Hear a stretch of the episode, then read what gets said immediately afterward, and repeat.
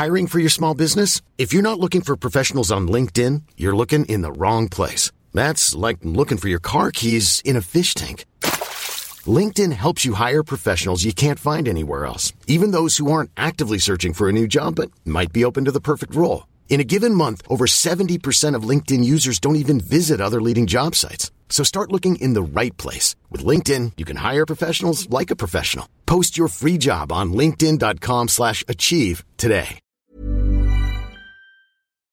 Telia lanserer datapakker uten tak. Administrerende direktør i IKT Norge, Heidi Ausli, er ukens gjest, og Facebook samler Messenger, Instagram og WhatsApp under ett.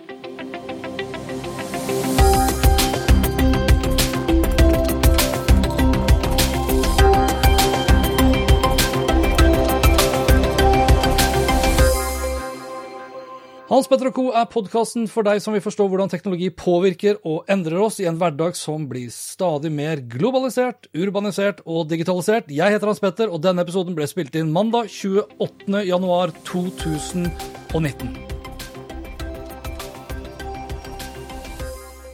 Får vi snart ubegrensa datapakker i mobilnettene slik som i fastnettene, spurte Computerwell i slutten av mars for to år siden. Ja, mente jeg. Nei, mente dekningsdirektøren i Telenor, Bjørn Amundsen. Jeg tror ikke det er lenge til vi ser datapakker med ubegrensa datamengde fra noen som vil utfordre netteierne. Kanskje ikke i 2017, men i 2018 eller 2019 høyst sannsynlig, svarte jeg videre og mente at det var størst sannsynlighet for at en slik tjeneste ville komme først fra en utfordrer. Altfor ressurskrevende, mente dekningsdirektøren i Telenor, og svarte videre hvis vi fjerner takene på datapakkene, tror vi trafikken ville øke dramatisk til kanskje 50% mobilt, og det har ingen mobilkapasitet til i dag. Nå lanserer vi Telia X, abonnementet for deg som vil surfe og streame fritt på mobilen uten å måtte begrense deg. Mandag 28. januar lanserte Telia nettopp et slikt ubegrensa abonnement. Rett før helgen så mottok jeg en kryptisk pressemelding fra Telia som kun inneholdt bokstaven X. Og X er altså navnet på det nye abonnementet og den første produktlanseringen etter at sammenslåingen med Get var et faktum. Og Telia X er et abonnement som lar deg surfe og strømme fritt med mobilen og dele data med andre, men helt fritt er det ikke. For 579 kroner i måneden så har du 40 gig tilgjengelig, og da for hele Norden, ikke hele EØS. Men etter endte 40 gig så setter de da også hastigheten ned til 3 megabit per sekund. Så får vi se da, hvor mange av Telias kunder som hiver seg på X, og hvor mange som flytter seg fra andre operatører og over til Telia. Og vi får også se om Telias mobilnett har kapasitet til det. For Bjørn Amundsen uttalte videre i 2017 til Computerworld at ubegrensa abonnement neppe ville skje før langt inn i fremtiden, etter at 2G er stengt, 3G avviklet og 5G tilgjengelig på bred basis. Telia selv vil ikke kommentere hvor mye det vil koste selskapet, men mener det er verdt det. Telenors dekningsdirektør sa i 2017 at det vil koste milliarder, og at datapakker uten tak vil bli altfor kostbart for de fleste. Men 579 kroner for 40 gig er ikke dyrt. Det er 14 kroner per gigabyte, og det tror jeg de fleste vil synes er en ganske grei pris. For de fleste av oss, i hvert fall mange av oss, betaler jo fort over 100 kroner per gigabyte med data på våre eksisterende mobilabonnement. Så det som gjenstår å se nå, det er hvor lang tid tar det før Telia opphever 40 gigs-grensen? Men enda viktigere, hvor lang tid tar det før Telenor følger opp med sitt abonnement uten tak?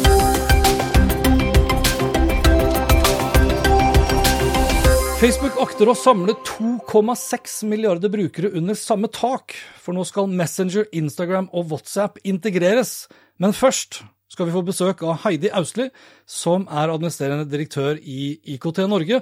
Og for de som ikke kjenner til IKT Norge, så er det da en uavhengig interesseorganisasjon som jobber for å styrke de overordnede rammebetingelsene for det digitale næringslivet. Og Heidi Ausli har i hele sitt yrkesliv jobbet i skjæringspunktet mellom teknologi og politikk, og har bakgrunn fra bl.a. Kunnskapsdepartementet. Hun har et sterkt ønske om at Norge skal være en digital ledestjerne med avanserte tjenester til innbyggere og næringsliv, og med en offentlig sektor som skal være smart på innsiden og enkel på utsiden.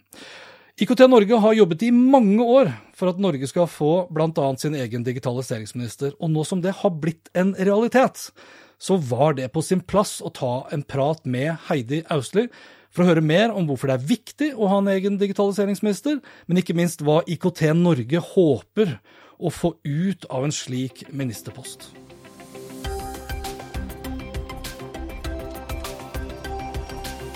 Etter hva jeg forstår, så har jo IKT Norge vært ganske pro at Norge får en digitaliseringsminister. Så jeg vil anta at det var en sånn gledens dag når det ble kjent? Det var det. Jeg har aldri stått på Slottsplassen og gitt blomster til noen som helst ny regjering, men jeg ble så innmari glad at det gjorde jeg faktisk. Holdt på å fryse fletta av meg. Men eh, det var en stor dag for Norge.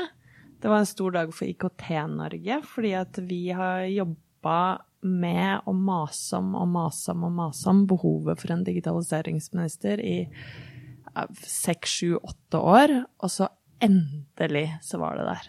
Men hvorfor, hvorfor, mener dere at det er viktig at vi får en dedikert For det er jo det vi Altså, vi har jo hatt en slags digitaliseringsminister mm. under Kommunaldepartementet, mm. men nå har vi altså da fått vår egen dedikerte. Hvorfor mener IKT Norge at det er viktig? Det er viktig av flere grunner. Altså, jeg er helt enig med Erna Solberg i at hver fagstatsråd, altså helseministeren, må ha ansvar for digitalisering i helsesektoren, eh, utdanningsministeren i skolesektoren osv. Samtidig så ser vi at eh, i Norge så har det vært veldig mange kokker og mye søl. Altså vi klarer ikke å hente ut gevinstene av digitalisering, og det er fordi at vi ikke har fått teknologien til å samhandle på tvers. Altså vi har ikke fått til digitalisering på ulike nivåer, altså mellom stat og kommune, mellom de ulike sektorene i offentlig sektor, da, eh, som gjør at vi eh, blir litt ineffektive i digitaliseringen vår. Og så ser vi at f.eks. Danmark, som har hatt en digitaliseringsminister lenge, de klarer å ha en felles vei, en felles strategi. Eh, de klarer å dra synergiene på tvers av de ulike sektorene og ligger milevis foran oss. Altså de har kommet over på et nytt nivå i digitaliseringen. Og andre land eh, har også det. Mm. Mm. Men har, tror du digitaliseringsministeren vil få et konkret mandat? Altså får han makt til å liksom mm. bestemme over de andre departementene? Som du sa, mm. der foregår det også mye digitalisering. Mm. Eller blir det en sånn rådgivende møteperson? Altså det er det som blir litt spennende å se nå. fordi at ideelt sett så mener jo vi at digitalisering må knyttes til makt, og makt er penger. Eh, og det betyr at eh, vi hadde ønska oss at dette lå enten direkte under Finansdepartementet eller rett under eh, statsministeren selv. Så har de valgt å putte det inn i Kommunaldepartementet, som nå har fått to statsråder. Og det er klart at det er et departement som ikke nødvendigvis har egne store budsjetter til å styre på tvers. Det noe Det har ikke per definisjon pisk og gulrot, da. Eh, sånn at det er jo en av de tingene som vi snakka med eh, Astrup om på, på, nei, på fredag forrige uke. Mm. Men Hva tror du han kommer til å begi seg ut på her? Altså, vi, vi, vi kan jo snakke om alt fra 5G-utvikling, eh, smarte byer, eh, HTTPS, hvis vi skal liksom gå inn på sånn sikkerhetsprotokoller, til eh, kunstig intelligens. da. Og det at vi ikke har hatt en strategi om kunstig intelligens. Hvor, har, har du allerede da kommet med råd, ønskeliste? Vi har kommet med en eh, lang ønskeliste, eller rådliste kan du kanskje også kalle det. Eh, det jeg har vært opptatt av å diskutere med han så langt, er både at vi må flytte digitaliseringsdebatten over på et litt nytt nivå. Så vi må sånn bort fra den der skjemadigitaliseringen, sånn barnehageskjema, Nav-skjema osv., til at vi klarer å bruke digitalisering til å løse de store samfunnsutfordringene som vi har. En av de er jo folk til å løse oppgaver eh, i Norge. Det er bevaring av velferdsstaten. Det er hvordan skal vi klare å få til et utdanningssystem hvor ingen faller fra. Mm. Da skal vi bruke teknologi, kunstig intelligens, adaptiv læring til å tilpasse læringen tidlig nok så alle barn og unge lykkes. Det er dit vi må flytte digitaliseringsdiskusjonen nå. Eh, så har jeg diskutert mye med han eh, sikkerhet. Vi, og det, den gode tingen nå er jo at han har fått ansvar for både infrastruktur og tjenester eh, i sitt departement. Altså han har fått overført mange oppgaver fra andre departementer på det.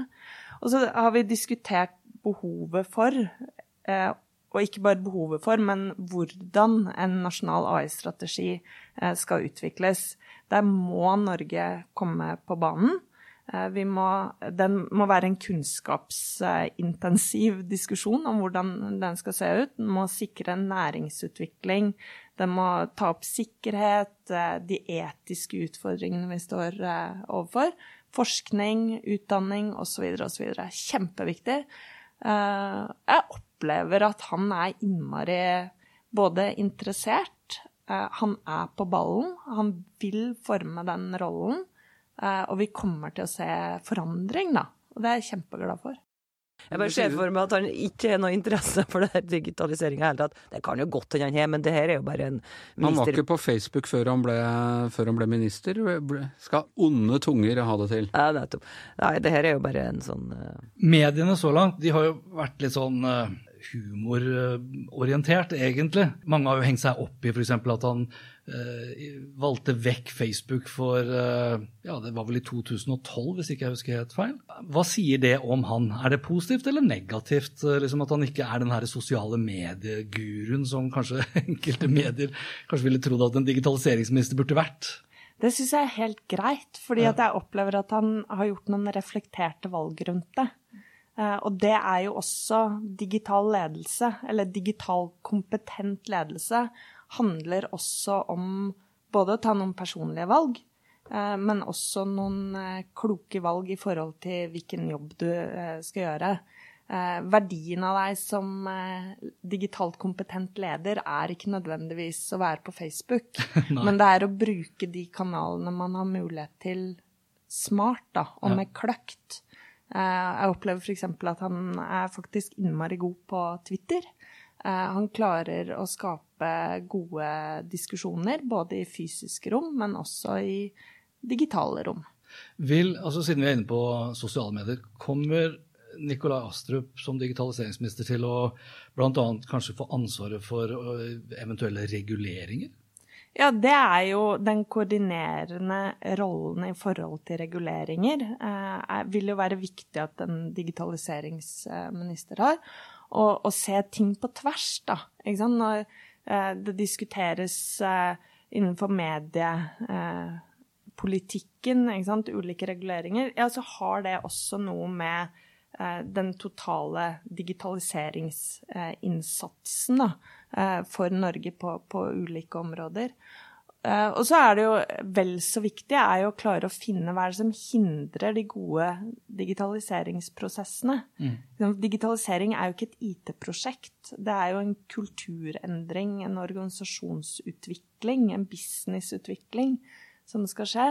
Og da er det antageligvis veldig mange hindre og showstoppere da, for å få det ordentlig til. Noe av det kan være lover og regelverk. Veldig mye av det handler om praksis òg.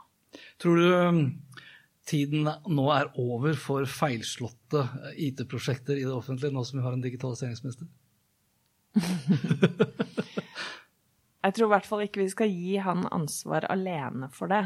Eh, men en av de tingene som han må gjøre noe med, det er jo å få til den gode digitale kompetansen på alle nivå. Veldig mange av de der feilslåtte IT-prosjektene de oppstår jo fordi at man ikke tok de gode beslutningene et eller annet sted i systemet. Sånn at hvis vi klarer å bygge norske ledere og norske arbeidstakere til å forstå koblingen mellom teknologi og fag, og gjøre digitalt kompetente beslutninger ut ifra det, så har vi kommet langt.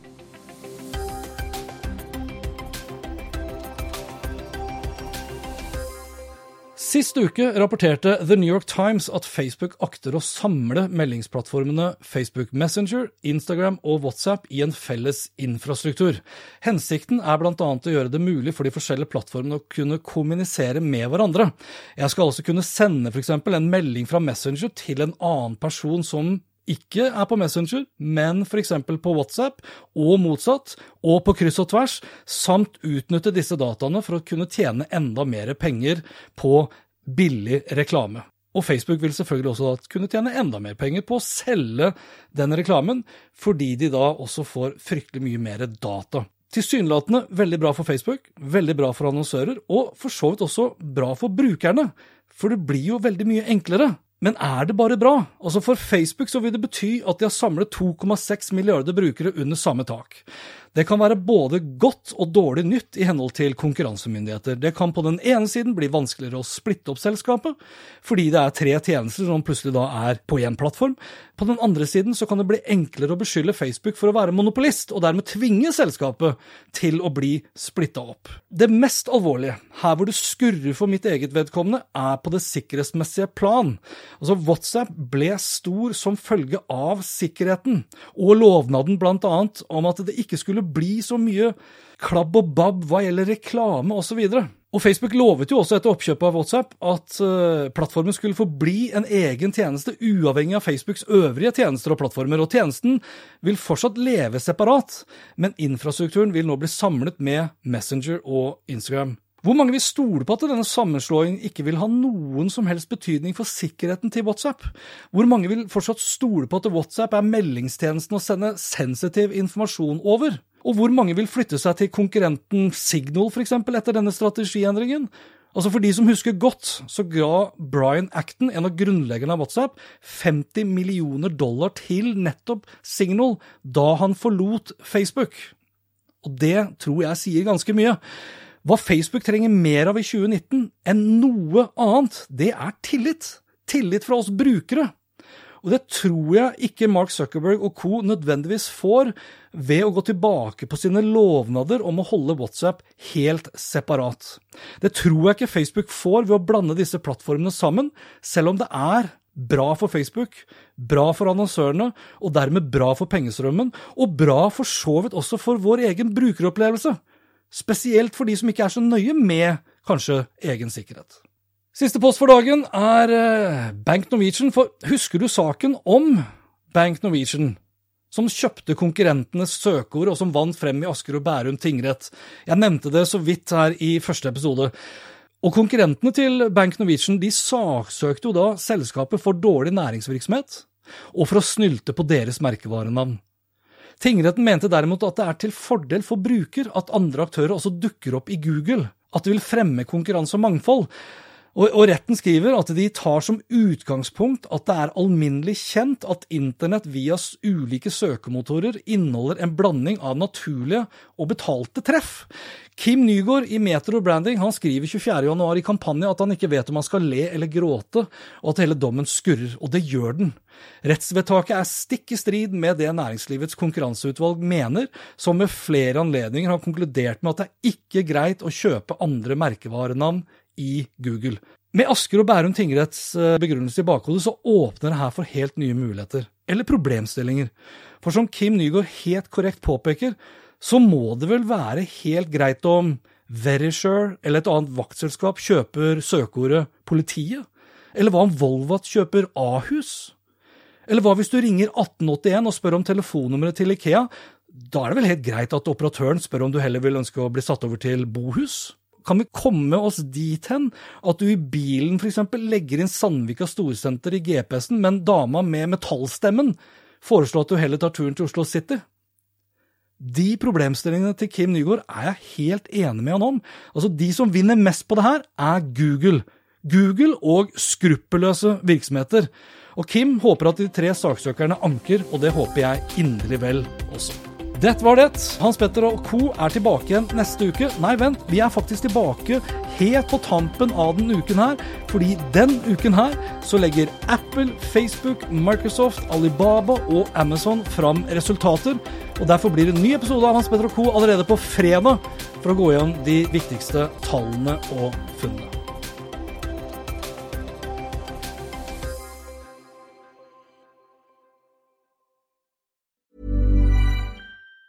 Even on a budget, quality is non-negotiable. That's why Quince is the place to score high-end essentials at 50 to 80% less than similar brands. Get your hands on buttery soft cashmere sweaters from just 60 bucks, Italian leather jackets, and so much more. And the best part about Quince, they exclusively partner with factories committed to safe, ethical, and responsible manufacturing. Elevate your style without the elevated price tag with Quince. Go to quince.com slash upgrade for free shipping and 365-day returns. My business used to be weighed down by the complexities of in person payments. Then, Tap to Pay on iPhone and Stripe came along and changed everything. With Tap to Pay on iPhone and Stripe, I streamlined my payment process effortlessly. Now I can accept in person, contactless payments right from my iPhone. No extra hardware required. What's truly remarkable is how I can cater to all of my customers' payment preferences. Whether they're using cards, Apple Pay, or other digital wallets, Tap to Pay on iPhone and Stripe ensure a smooth checkout experience every time. And it's not just me. Stripe helps businesses of all sizes, from local markets to global retailers, scale quickly and stay agile. To learn how Tap to Pay on iPhone and Stripe can help grow your revenue and reach, visit stripe.com slash tap iPhone.